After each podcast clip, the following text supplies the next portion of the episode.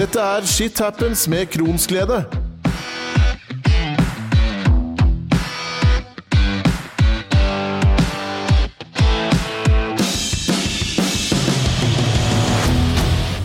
I snart to år har hele verden levd med en epidemi hengende over oss. Det er nok ingen som hadde forestilt seg hvor inngripende dette skulle bli når vi i mars 2020 dro hjem fra jobb, henta barn fra barnehager og skoler og nærmest låste oss inn i egne hjem.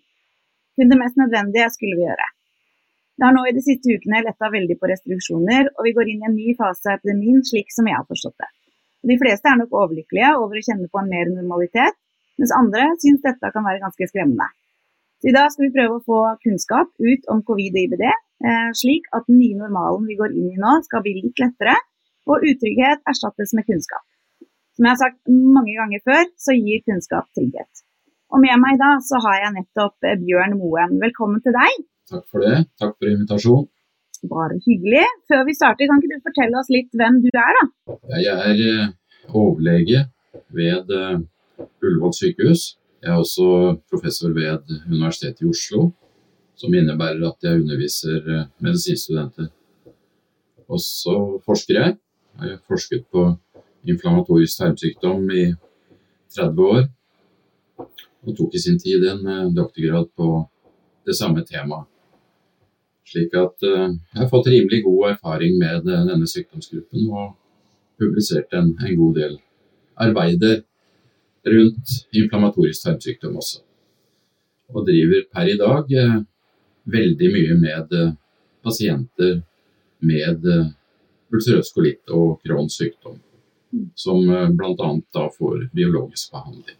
Det er jo en stor ære da, å få lov til å ha deg med i dag, så jeg tenker bare sånn, vi starter. Ehm, og nå har vi jo gått inn i en ny eh, epoke, og alle disse restriksjonene som vi har levd med i ganske lang tid, de forsvinner én etter én.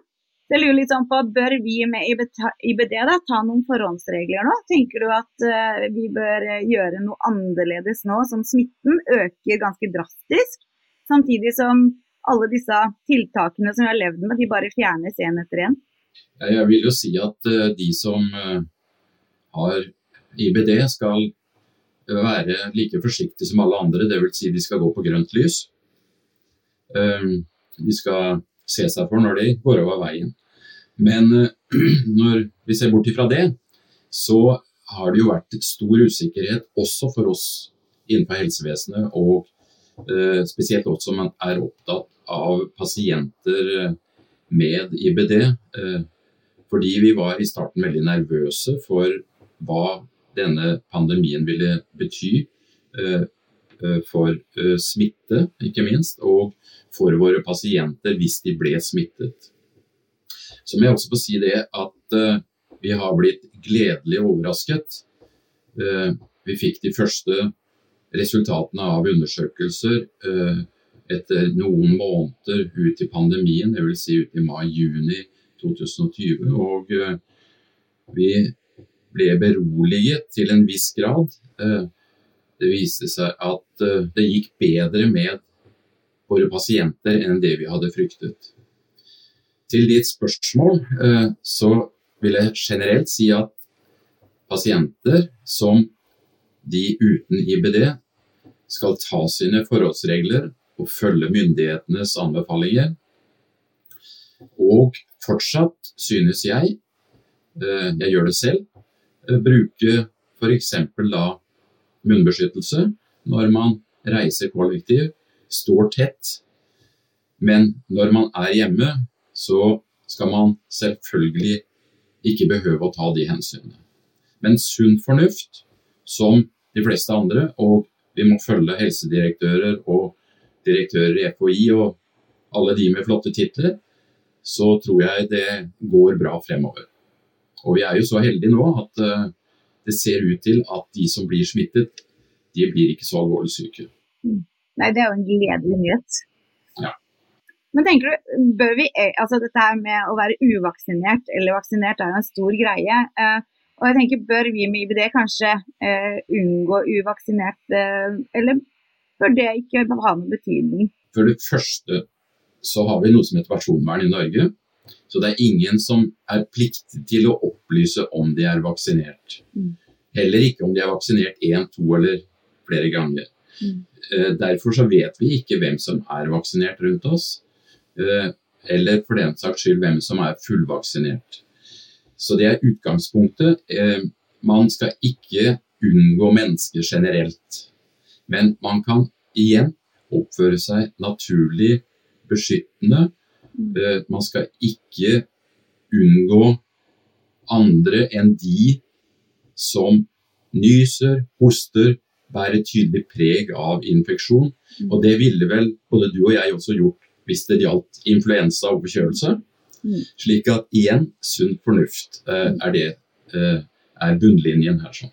Ja, og så har jo nå covid vært en stor del av oss ganske lang tid, noe som kanskje gir grunnlag for både statistikker og forskninger. Eh, finnes det noe tall på hvor mange med IBD som har fått covid eh, og blitt alvorlig syke? Det eh, gjør det. Mm. Og det kom tall eh, relativt tidlig. De kom fra Italia, faktisk. Mm. Eh, fordi de var tidligst ute. Det viste seg Og grunnen til at vi var, og jeg var bekymret i starten, det var jo fordi eh, i hvert fall halvparten av IBD-pasienter står på en eller annen form for immunhemmende behandling. Mm. Vi kan nevne dem i fleng som uh, immunhemmere, og det er stort sett tabletter eller sprøyter. Det er biologiske legemidler. Og disse medisinene vil vi, og trodde vi, kunne sette ned immunforsvaret. Gjøre pasientene mer mottagelige for smitte. Og i neste omgang også disponere for at pasientene kanskje ble dårligere når de ble smittet. Alvorligere syke, rett og slett, og havnet på sykehus. Og eh, det fikk vi da tidlig tall på at oi sann, det ser faktisk ut som at noen av disse på immunhemmende behandling eh, gikk det bedre med. De var kanskje beskyttet mot den mest alvorlige sykdommen, og det betyr det å bli lagt inn, det å havne på intensivavdeling og det å havne på respirator er de alvorlige utfallene.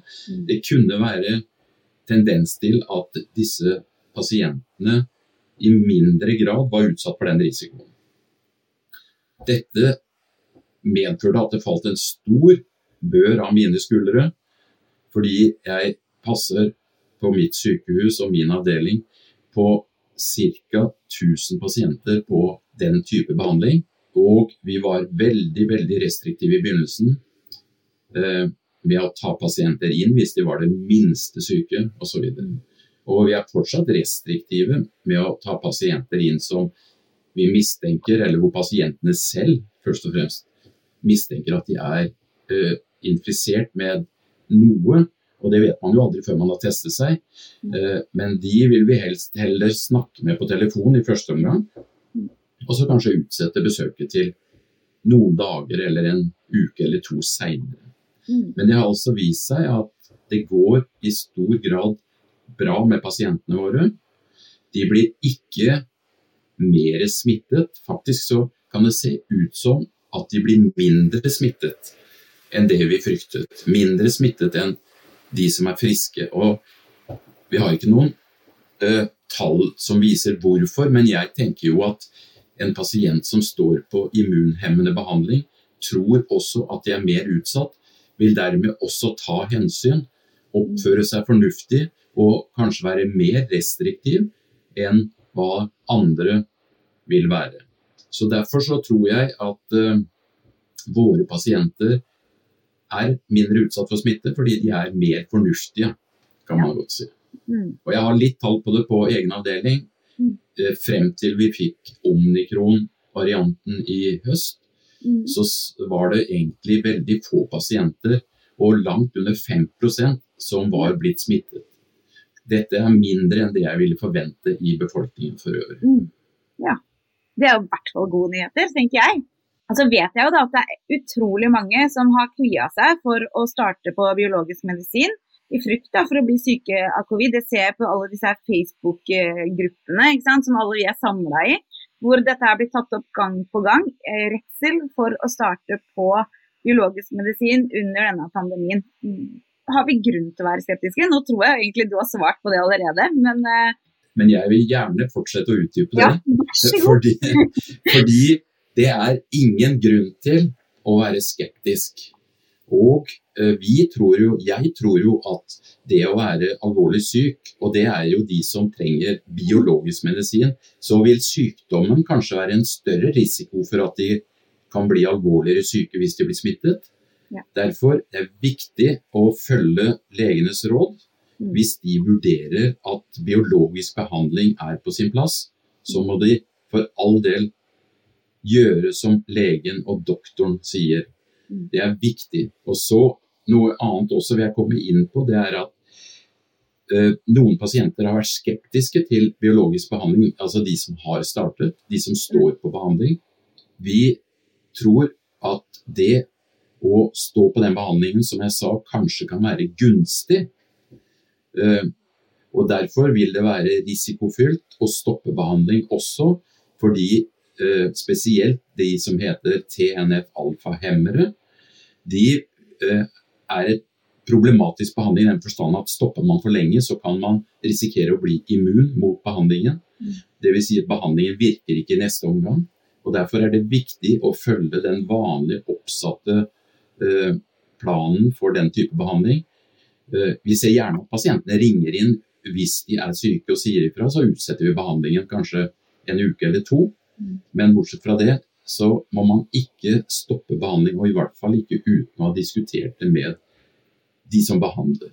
Tenker Det er jo en viktig ting å få fram, for det er jo ting som folk eh, kan eh, gjøre. Så, eh, og Det også mange lurer på, da, er um, finnes det noe vi sjøl kan gjøre for å styrke oss i kampen mot covid? Uh, altså, er det noe vi kan eh, gjøre sjøl for å hindre å få dette her?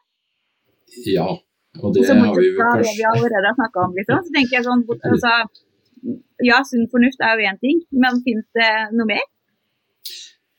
Jeg får jo spørsmål om dette her med kost. Det er pasientene veldig opptatt av. Mm. Også fordi de erfarer at når de endrer kost, så endrer mageplagene seg til det bedre eller til det verre. Ja. Vi har ingen data, og da mener jeg og understreker ingen vitenskapelige data som tilsier at man kan verken spise seg frisk av ulcerøs kolitt eller Crohns sykdom. Mm. Eh, Langt mindre kan man spise annerledes og på den måten forhindre at man skulle bli smittet, eller forhindre at man skal bli syk av covid. Det har vi absolutt ingen data som tilsier. Så ja, man skal igjen eh, spise sunt, allsidig, eh, ta vanlige hensyn. Men utover det så er det vanskelig å forebygge noe som hva skal vi si, alle andre Mm. er ansett å skulle få før eller senere. Ja. Eh, Men jeg tror også at eh, det kanskje ikke er det store problemet hvis man nå blir syk. Mm. Jeg har anbefalt alle mine pasienter vaksine etter anbefalinger fra FHI. Mm. Og følger de det, så er de beskyttet. Så er de også eh, eh, immune så langt det kan bli mot alvorlig sykdom, i hvert fall. Ja, og det tenker jeg er det viktigste. Sant? Altså, jeg tror vi, Det skal mye til å slippe unna dette her. Eh, men hva med å reise til utlandet? Det er jo utrolig mange som har veldig lyst til det nå, etter flere år uten å reise. Eh, har vi noen andre regler å forholde oss til vi med IBD enn vanlig mann i gata? Nei, ikke noen offisielle regler. Eh, og eh, jeg vil også si det at eh, reis, og når du sier eh, reise utlandet, så mener du ikke Strømstad. Nei, overhodet ikke. Da tenker jeg at du Da vil du gjerne reise et sted hvor det er varmt og hvor man kan bade, bade i januar og februar, tenker jeg. Ja. Eh, og eh, kommer man dit, og i det sydlige, så skal man også komme til å erfare at de er faktisk enda mer restriktive når det gjelder smitteforebyggelse enn hva vi er i Norge. Vi synes og sliter med det etter hvert, eh, alle disse restriksjonene. Men kommer man eh, sydpå, så, så er faktisk restriksjonene enda eh, sterkere. Følger man dem, så skal det være trygt. Men som jeg også har understreket til alle mine pasienter, og lenge før pandemien begynte, reiser man sydpå, så er det noe som heter reisesyke. Eh, altså Man kan bli dårlig i magen, man kan få i seg noe som eh, man ikke tåler. Eh, og der skal man være forsiktig som man ellers ville være. Ta hensyn så man ikke får matforgiftninger og lignende. Som jo kan forverre en kolitt, ulcerøs kolitt eller Crohns sykdom. Men når det gjelder pandemien, først og fremst så skal man jo være vaksinert. Man skal også ta med sitt koronapass, ellers får man ikke komme inn forskjellige steder. Verken i land eller på restauranter. Men er man fullvaksinert, og det anbefaler vi alle våre IBD-pasienter, så skal det være trygt å reise sydover. Ja, og Nå er vi jo inne på dette med vaksiner, og det har kommet ganske mange spørsmål om det. Eh, og Det er jo eh, mange ting de lurer på. Og En av de tingene er er det forsvarlig da, å ta vaksine selv om man har et stort oppbluss av sin IBD. Eh, og kan et oppbluss gi større mulighet for bivirkninger om man tar vaksinen? Det var flere og kanskje mange spørsmål i ett. Eh, men for det første, pasienter med eh, IBD skal vaksineres. Og de er nå anbefalt, som alle andre, å ta tre vaksiner. De er prioritert når det gjelder vaksine, både fordi de har sykdommen og fordi mange står på immunhemmende behandling. Og etter hvert så er en god del pasienter også anbefalt dose nummer fire, bare som det er sagt. Og den får de hvis de drar på sitt sykehus og får en lapp eller en bekreftelse eller tar med seg en resept på at eh, de bruker den type medisin som rettferdiggjør en fjerde dose. Slik at eh, vaksine er alfa og omega. Um, et alvorlig oppbluss av IBD innebærer jo at uh, mye forandrer seg i kroppen, også immunforsvaret. Og vi tror at de som fikk de alvorligste bivirkningene i starten av pandemien, de fikk en overreaksjon i immunforsvaret. Som medførte disse svært alvorlige uh, tilfellene med dødsfall. Dette har vi ingen grunn til å tro når det gjelder IBD, selv om de har et tilbakefall. Og en pasient som får et tilbakefall, og i hvert fall hvis det er moderat til alvorlig, vil få immunhemmende behandling stort sett. Og som jeg sa, de vil dempe denne reaksjonen. Eh, men å ta en vaksine som kan, vet vi, det er en liten risiko for at den kan også irritere immunforsvaret. Og da ville jeg ikke anbefalt at man tar en vaksine hvis man nettopp er ved å starte opp biologisk behandling. Da venter man heller de ukene, det er ikke snakk om mer enn kanskje tre-fire uker. Eh, men i dag vil jo alle pasienter være vaksinert. Og eh, det vil derfor kun være snakk om at pasientene skal ha sin tredje eller fjerde vaksine. Derfor er sannsynligvis den risikoen for bivirkninger av vaksinen mye, mye mindre. Og eh, jeg vil anbefale at de da tar den vaksinen, men de må diskutere det med legen. De må diskutere det i forhold til de medisinene de står på akkurat der og da. Og Vi kan komme inn på et annet problem, og det er jo at når man står på de høye dosene av den type medisin, så vet vi faktisk at vaksinene ikke virker like godt. Man demper også den autoimmune reaksjonen man ønsker å få ved vaksine. Likeså som man ønsker å dempe den autoimmune reaksjonen som skaper sykdom. Slik at det er kanskje derfor også en grunn til at man skal utsette vaksinen lite grann, og dermed ha mulighet for å få en bedre effekt av vaksinen. Når det gjelder biologisk behandling, så anbefaler vi ikke at man skal ta vaksinen de første én til to ukene etter en infusjonsbehandling, altså en intravenøs behandling. Uh, altså Da bør man utsette vaksinen et par uker. Når det gjelder de andre behandlingene, som er sprøytebehandling, så er det sannsynligvis ganske likegyldig hvor når man tar sprøyten i forhold til hvor når man tar vaksinen. Det er ingen holdepunkter for at uh, vaksinen gir noe alvorligere reaksjoner hos pasienter med ulcerøs kolitt enn med Crohns sykdom. Ja, Det også tenker jeg er jo gode nyheter. For alt det du har snakka om nå, er jo ting som, som, veldig mange har lurt på. ikke sant? Så Nå slapp jeg å spørre de spørsmåla, så det er jo kjempefint. Jeg tenker at eh, Det folk lurer på, er jo nettopp det. Hvor farlig er dette her? Eh, er det forskjell på meg kontra en frisk en. Så dette her er viktige ting å få svar på. For det, er, det, det, det går gang på gang igjen i disse kommentarfeltene på disse Facebook-gruppene. Folk lurer. og så er det viktig da, å få ut den kunnskapen. Og så finnes det jo to forskjellige produsenter av vaksiner i Norge i dag. Eh, finnes det noe data på at den ene er å foretrekke overfor den andre?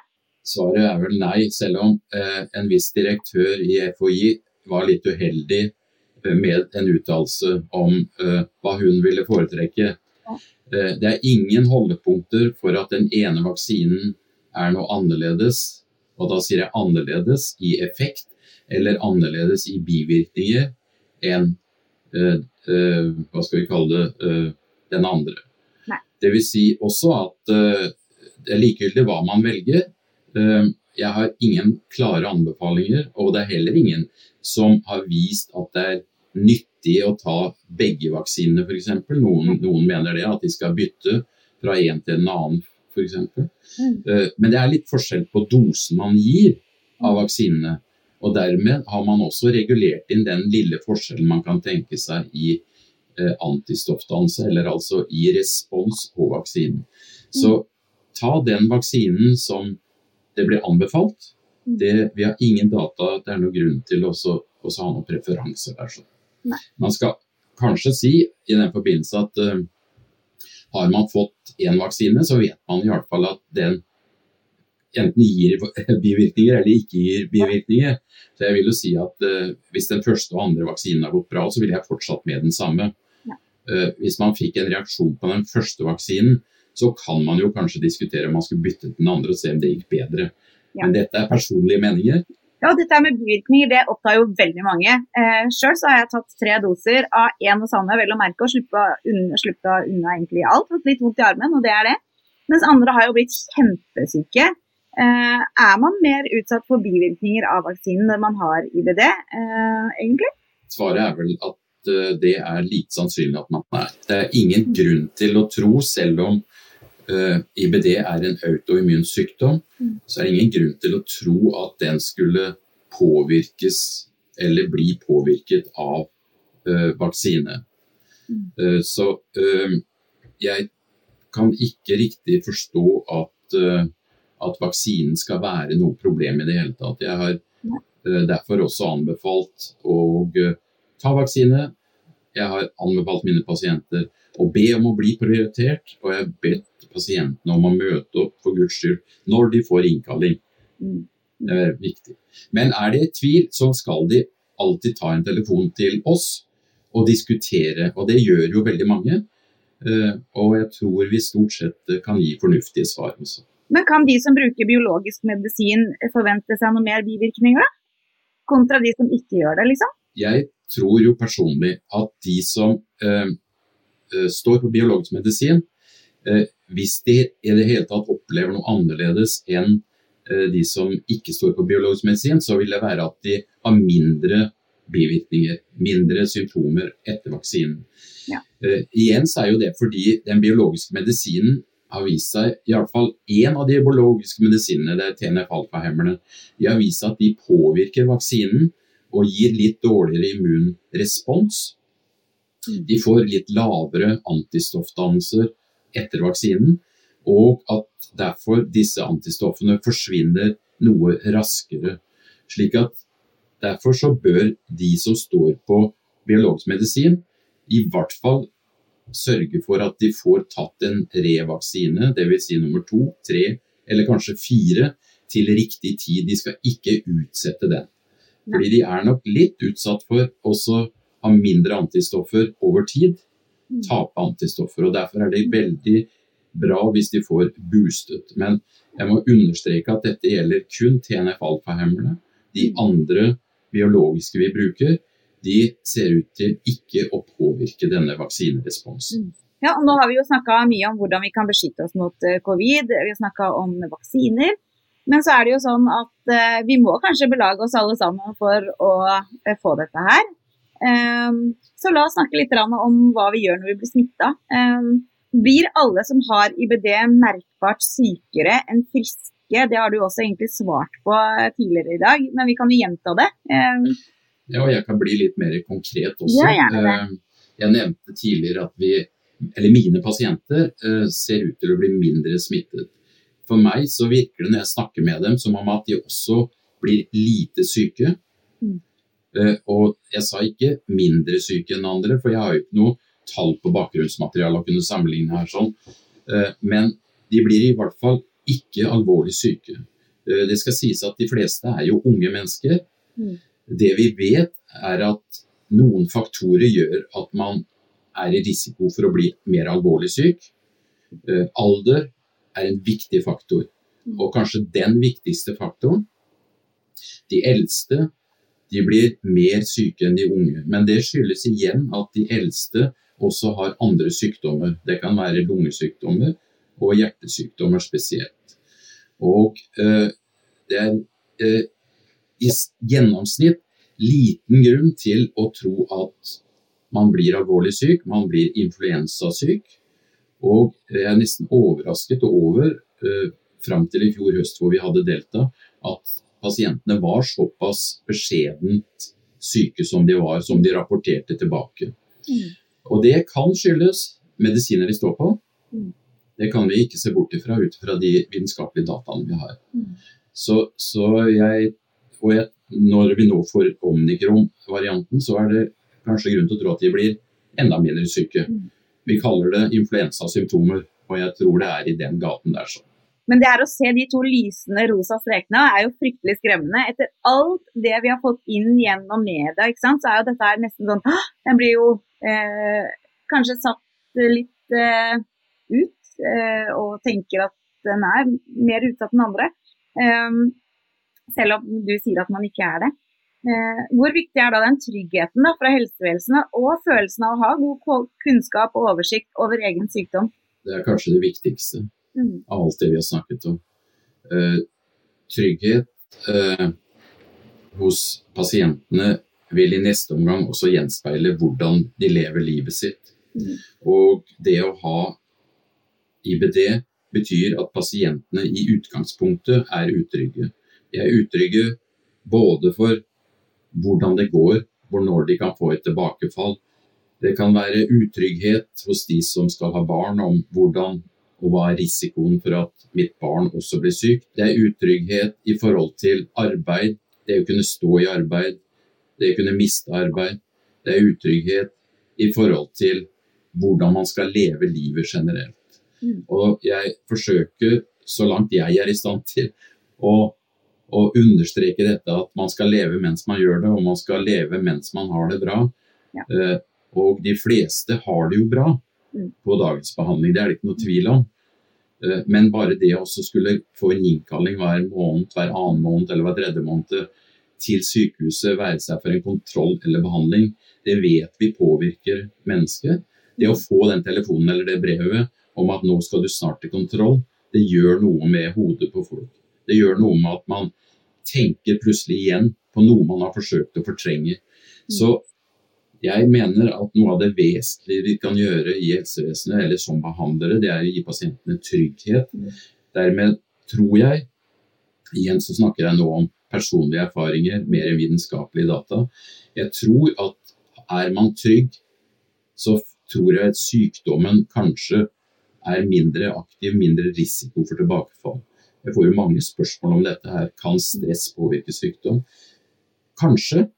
Jeg kan ikke gi en, en, en vitenskapelig undersøkelse som påviser det, men vi vet at eh, stress påvirker hodet, det påvirker det autoimmune systemet vårt, og man kan tenke seg at man derfor kan få eller bli dårligere, få et tilbakefall. Så trygghet, og trygghet er noe pasientene skal jobbe med selvfølgelig, men det er også noe vi som behandlere må ha svært høyt fokus på. Ja, jeg tenker at det er kanskje eh, noe av det aller viktigste for en pasient i hvert fall. Eh, Det å føle seg trygg er jo kjempeviktig. Eh, men ved smitte, da, eh, bør vi utsette medisineringen vi tar for IBD, eller bør vi fortsette som normalt? Kort svar ikke utsett medisiner. Ikke utsett besøk hos doktoren eller sykepleier du går til. Og hvis du er usikker, ta en telefon og ring og spør. Men hva tenker du er viktigst da, å tenke på i den tida som eh, kanskje covid herjer i kroppen? Hva, hva bør vi gjøre da? Da skal man tenke som jeg gjør. En god kopp te med honning, hvis det er godt. En god, en god pute i sofaen. Mm. Noe å lese eller se på i fjernsynet. Mm. Eh, fordi man bør, når man er eh, smitta, så skal man jo isoleres. Mm. Eh, men man skal ikke sitte og frykte det verste. Man skal stole på at det jeg sier nå, det er sant, og det er at det ikke går deg dårligere enn det gjør for de uten IBD. Trygghet igjen. Men kan vi med IBD få langvarig forverring da, av vår IBD etter gjennomgått uh, covid-sykdom? For det er det jo veldig mange som lurer på. Og det er viktig. Uh, mm. Og det spekulerte jeg sjøl på også. Hvis man blir smittet, mm. hvis man får en forverrelse, mm. hva da med forløpet videre? Vil det kreve ny, kraftig mm. dempende behandling med biologisk. Uh, her er vi igjen tilbake. Kort svar. Det ser ikke ut til at uh, covid-infeksjon forverrer sykdom. Det ser ikke ut til at covid-sykdom forlenger behandling eller forverrer behandling du allerede står på. Mm. Det finnes én studie som har vist at det ikke kunne være Altså det var ikke noen målbare eh, verdier for forverring i tarmen ved covid-smitte. Jeg har noen få pasienter som forteller at de, når de ble smittet, følte mer uro i magen. Man kan tenke seg at det kunne være begynnelsen på en liten forværelse, men det varte ikke mer enn noen dager til en uke, og så gikk det over igjen. Slik at eh, Covid-smitte ser ikke ut til å påvirke tarmsykdommen i en uheldig retning. Men så er det jo sånn at Mange av oss er jo vant til å tøye den strikken da, før vi kontakter lege og sykehus. Gruer oss for å bli lagt inn, eh, for alt dette som eh, en har gjort så mange ganger før. Eh, men når vi på en måte har unngått dette her lenge nok, da, Eh, når tenker du det er riktig å kontakte helsepersonell og si at eh, nå er jeg ganske dårlig? Ja, jeg er alltid lei meg når pasientene ringer etter to måneder og har vært alvorlig syke etter én måned. De har merket at det har vært noe på gang, og så går de og venter, som du sier, både uker og kanskje måneder før de kontakter oss. Jeg forstår igjen hvorfor, fordi man ønsker jo ikke å bli syk. Man noen fortrenger det, og noen sier til seg selv at det går nok over. Eh, og det er ikke ofte det går over av seg selv, dessverre. Eh, og hvis det går over av seg selv, så er det selvfølgelig noe helt annet, men det har et helt annet forløp. Det varer ikke to måneder. Det som går over av seg selv, det er en matforgiftning, og den går over etter få dager.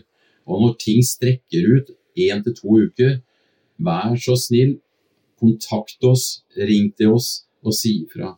Og det er fordi at en tilbakefall av ulcerøs kolitt og Crohns er mye lettere å behandle hvis det ikke er et alvorlig tilbakefall, hvis du ikke har gått i måneder hjemme først, hvis du kommer tidligere.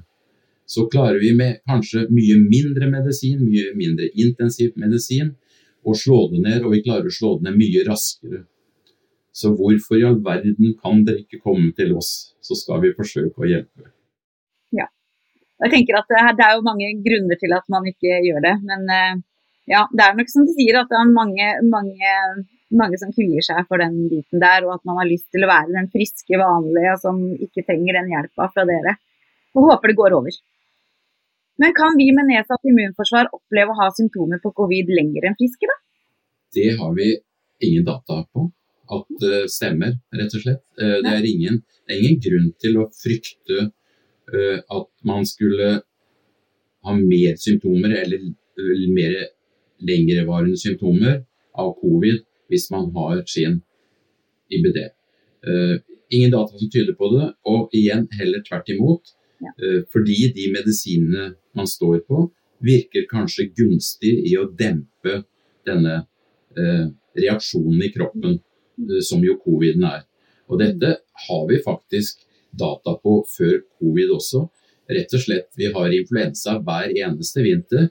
Mm. Vi vet at pasienter som får influensa, blir ikke dårligere i tarmen sin. Eh, og de som står på biologisk behandling, hvis de rapporterer noen, eh, så er det heller at de ikke får de høye febertoppene, ikke blir så alvorlig kraftig påvirket av en influensa som man ellers ville bli. Og Dette er naturlig å tenke seg kan være fordi den biologiske medisinen, eh, immundempningen, den tar toppen av de verste symptomene. Men mange lurer på om man kan få lavere antistoffer etter gjennomgått eh, covid enn de som er friske, og om de eventuelt detter raskere, da. Eh, hva tenker du om det? Det å ha gjennomgått en covid-infeksjon er ensbetydende med og tilsvarer den antistoffresponsen man får etter én vaksine, har det vist seg. Mm. Så én vaksine er jevngod med én infeksjon, og derfor sier man jo også at eh, de som skal vaksineres, og som har vært smittet, eh, de kan klare seg med en vaksinedose mindre. Eh, De som eh, står på immundempende behandling, eh, og også de som har vært igjennom en infeksjon, vil sannsynligvis, og ganske sikkert tror jeg, ha en lavere immunrespons på infeksjonen og på vaksinen enn de som ikke står på immundempende behandling. Men som jeg også sa i starten, halvparten av IBD-pasientene står ikke på immunhemmere. De står på et Femasa-preparat, en tablett eller eh, lokalbehandling. Og hos dem så vil reaksjonen være akkurat den samme som alle andre. Så Femasa påvirker ikke verken immunrespons ved sykdom eller ved vaksine. Og det er jo mye da som er uvisst rundt covid, så hva tenker du om framtida? Vil vi bli kvitt, kvitt dette her, eller må vi fortsette å vaksineres og opprettholde, opprettholde eh, immuniteten? Ja, det er jo noe som heter at det er vanskelig å spå om fremtiden. Eh, Mm. Og eh, det gjelder også for meg, selv om jeg eh, har levd mange år. Eh, Men eh, det er noen som sier at vi i fremtiden kommer til å få en vaksine som kanskje inneholder to forskjellige stoffer. Mm. En influensa og en sars, koronavirus. Mm. Eh, Det kan være en mulighet. Jeg er ganske sikker på at eh, vi kommer til å oppleve nye pandemier. Mm. Eh, Men jeg er ganske sikker på også at vi kommer til å få i fremtiden en eller annen form for vaksine som vi kommer til å tilby pasientene. Eh, Om den blir i kombinasjon, sånn at det blir ett stikk eller vi skal ha to stikk, det må tiden vise. Men eh, det har vært pandemier før, og det har vært pandemier mange hundre år tilbake eh, med forskjellige agens. Og hvorfor i all verden skulle vi slippe dette i fremtiden? Men fortsatt, det er jo ikke det man skal gå og frykte. Eh, man skal huske å leve mens man gjør det, sier jeg igjen. Eh, Mm. det, det må være viktig. Og så får vi ta det når det kommer. Jeg er helt sikker på at eh, samfunnet og helsevesenet løser de problemene i fremtiden like godt som de har løst pandemien nå. Og jeg vil jo si at selv om mye har vært merkelig, så, så har det gått bra. Ja, Og spesielt har det gått bra i Norge. Vi har vært heldige der, det er det ikke noe tvil om. Eh, nå nærmer vi oss slutten, og som jeg alltid gjør da når jeg har gjester, så avslutter jeg temaet med å la gjesten komme med sitt tips eller råd. Så Bjørn, har du et tips eller råd til de som hører på oss nå? Ja, jeg mener at mine pasienter og alle andre med IBD skal ha ett mål for øye, leve så godt og normalt som mulig. Og eh, hvis de trenger hjelp, så skal vi som behandlere være de som skal stille opp med det. Så ta kontakt med oss, ikke sky oss og ikke utsett besøket hos oss. Så skal vi gjøre hva vi kan for at eh, dere skal ha det best mulig. Tusen takk for et kjempeflott eh, tips, Bjørn. Eh, det er nok mange som i mars 2020 som ikke hadde tanker på hvor stort og langvarig dette her skulle bli. Likevel så vil jeg jo si at vi kan være stolte. Stolte av hvordan vi har takla dette her. For mennesker er jo tilpasningsdyktige. Og dette har gitt oss mye kunnskap. Det er i hvert fall ingen tvil om. Så tusen takk for at du har blitt med som gjest i dag, Bjørn. Jeg vet av egen erfaring at eh, jo mer kunnskap en har, da, jo mindre utrygg er man. Og du har absolutt bidratt til kunnskap, trygghet og masse nyttig informasjon i dag. Og det eh, er jo noe vi trenger når vi går inn i den nye eh, epoken av denne pandemien. Så takk, og husk at åpenhet det gir kunnskap, og kunnskap det gir trygghet. Til du som hører på, og som nå kanskje har spørsmål om dagens episode, eller om podkasten generelt, så send meg gjerne en mail på kronsglede.alfakrøll.outlook.com. Der tar jeg også imot ris og ros, tips til tema, forespørsler om oppdrag og mye mer. Du finner meg på Facebook som Kronsglede, og på Instagram som shithappens-kronsglede. Følg meg for å få med deg alt fra podkastepisoder, innblikk i mitt liv og mye annet relevant info. Og husk å abonnere på podkasten for varsel når neste episode slippes. Og til vi høres igjen, tilegn deg informasjon, eh, men vær kildekritisk. Shit happens med Kronsglede i samarbeid med Takeda.